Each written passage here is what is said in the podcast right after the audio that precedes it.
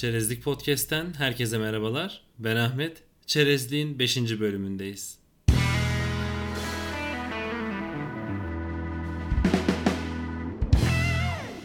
Hoş geldin Yavuz. Nasılsın?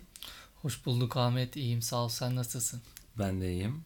Ee, evet Yavuz e, bize biraz kendinden bahseder misin? Ne yapıyorsun? Neler yapıyorsun? Nelerle ilgileniyorsun? Tabii Ahmet. E, yazılım mühendisliği mezunuyum. Özel bir şirkette yazılım geliştirme uzmanı olarak çalışıyorum.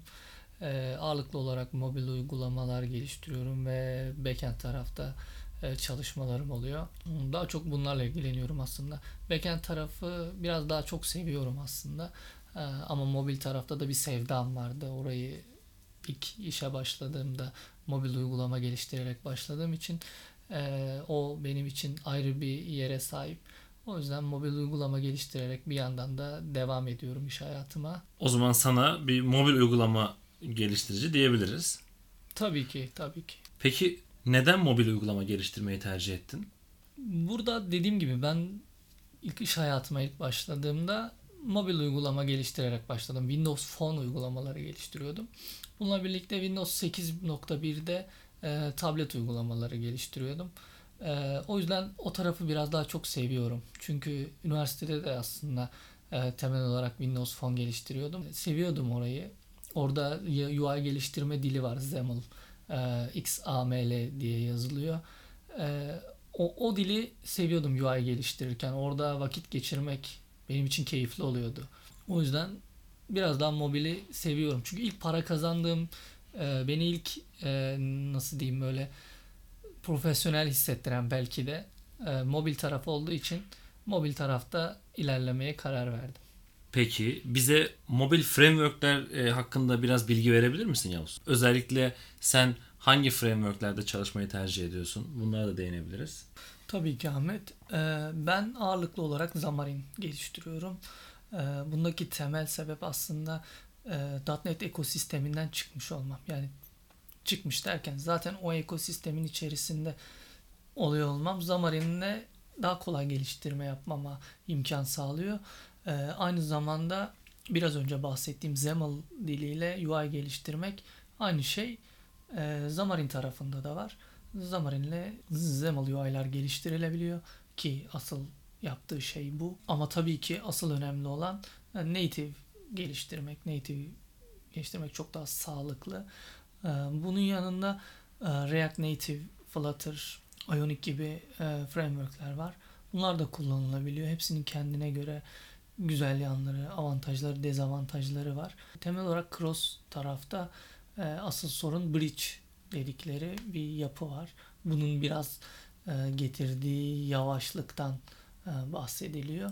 Ama tabii ki multi platform uygulama çıkarmak istediğinizde bunu hızlıca yapmak istediğinizde e, Xamarin gibi React Native gibi e, Flutter gibi teknolojiler kullanılabiliyor.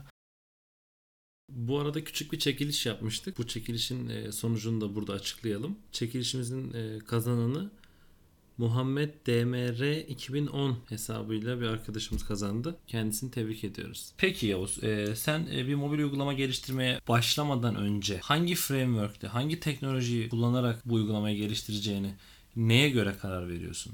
Burada şunu söyleyebilirim aslında uygulamanın belli süreçleri var. Ee, şöyle ki maliyet süreci, e, zaman süreci, içerideki ekibin eğitim süreci, e, eğitimden kastım biliyor olduğu teknolojiler aslında. Yani aslında bu biraz daha genel bir soru oldu. Sanki sadece mobil değil de e, daha genel oldu hatta. Bir yazılım geliştirmeye sürecine başlamadan önce önüne gel gelmiş olan bir projeye nelerine bakarak yani hangi özelliklerini göz önünde bulundurarak bu hangi teknolojiyi kullanacağını, neleri ekleyip neleri eklemeyeceğine karar veriyorsun. Hani buna karar verirken e, neleri baz alıyorsun diye değiştirelim hatta soruyu. Daha genel olsun yani. Ee, aslında en önemli şey çalıştığımız şirketlerdeki maliyet aslında. Ee, diyelim Xamarin'le geliştireceksiniz. Ee, Xamarin'le geliştireceğiniz zaman Xamarin bilen ya da ortalama bir uygulama çıkarabilecek birine ihtiyacınız var demek.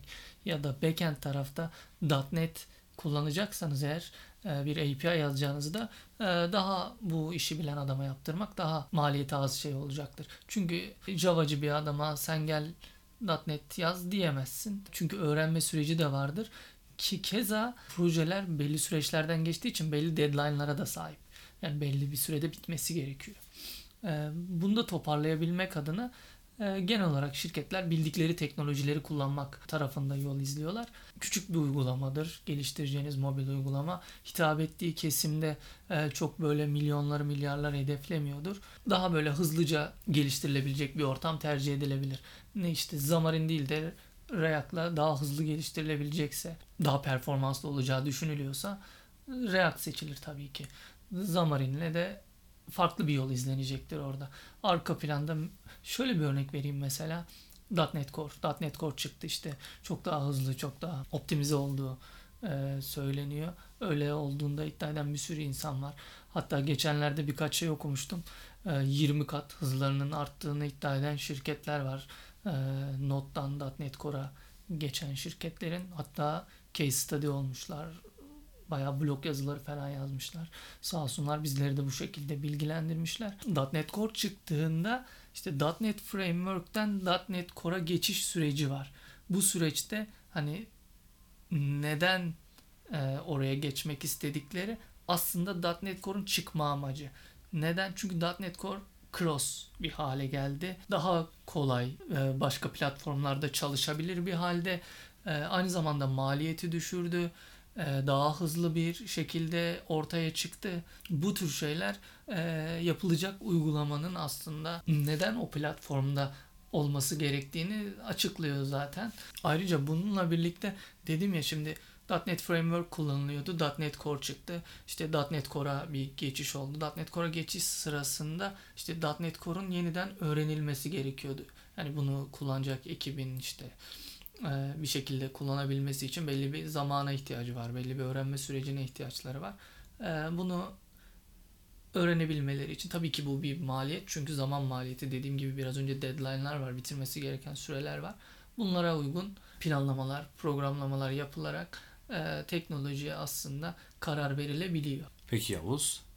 O zaman sana bir e, mobil uygulama geliştiricisi olarak bir soru yöneltelim. Mobil e, alanda bir geliştirici olmak isteyen birisine bence şöyle yapmalılar, bence şuradan başlamalılar diyebileceğin bazı maddelerin, hususların var mıdır? Bunları bizimle paylaşabilir misin?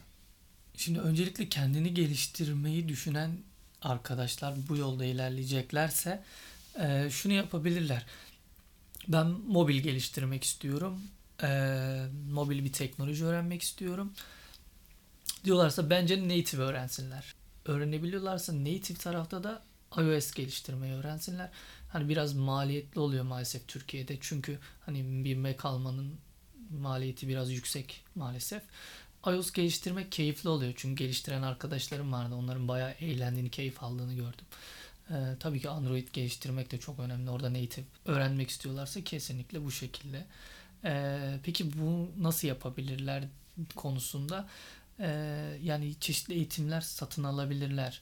Ee, bunun yanında ücretsiz birçok eğitim var işte Code Camp gibi ya da e, algoritma data structure öğreneceğim diyorlarsa e, bununla alakalı internette bir bir sürü e, ücretsiz kaynak var. Daha da güzeli e, MIT'nin kendi sitesinde kendi verdiği derslerin neredeyse tamamı ücretsiz olarak duruyor. Bunlara erişebilirler, bunları öğrenebilirler. Kendilerini bence bir proje bulmalılar. İyi veya kötü hiç fark etmez. Çünkü bir life cycle'ını yani o Android, iOS ya da cross bir platformun e, geliştirme sürecindeki life cycle'ı yaşam döngüsünü öğrenmeleri yetmiyor. Tabii ki belli şartlarda yetecektir bu ama e, kendilerine bir proje bulup e, orada bu projeyi geliştirip orada karşılaşacakları sorunları e, çözmeleri, e, onunla mücadele etmeleri e, kendileri adına daha sağlıklı olacaktır bence. Batmadan çıkamıyorsunuz maalesef ki. O yüzden bu işin zorluklarını görüp e, mücadele edip o şekilde ilerlemek gerekiyor. Çünkü yani kolay olan hiçbir şey yok. Ee, bir şekilde kendinizi buna adapte etmeniz gerekecek. Keza bunu yapmayı başarıyorsanız zaten bu işi seviyorsunuz demektir. Bu işi öğrenmek istiyorsunuz demektir. bu şekilde ilerlemek bana daha doğru geliyor. Peki Yavuz bu bölümde bana eşlik ettiğin için teşekkür ederim. Ben teşekkür ederim Ahmet. Beni davet ettiğin için. Ağzına sağlık. Çok sağ ol.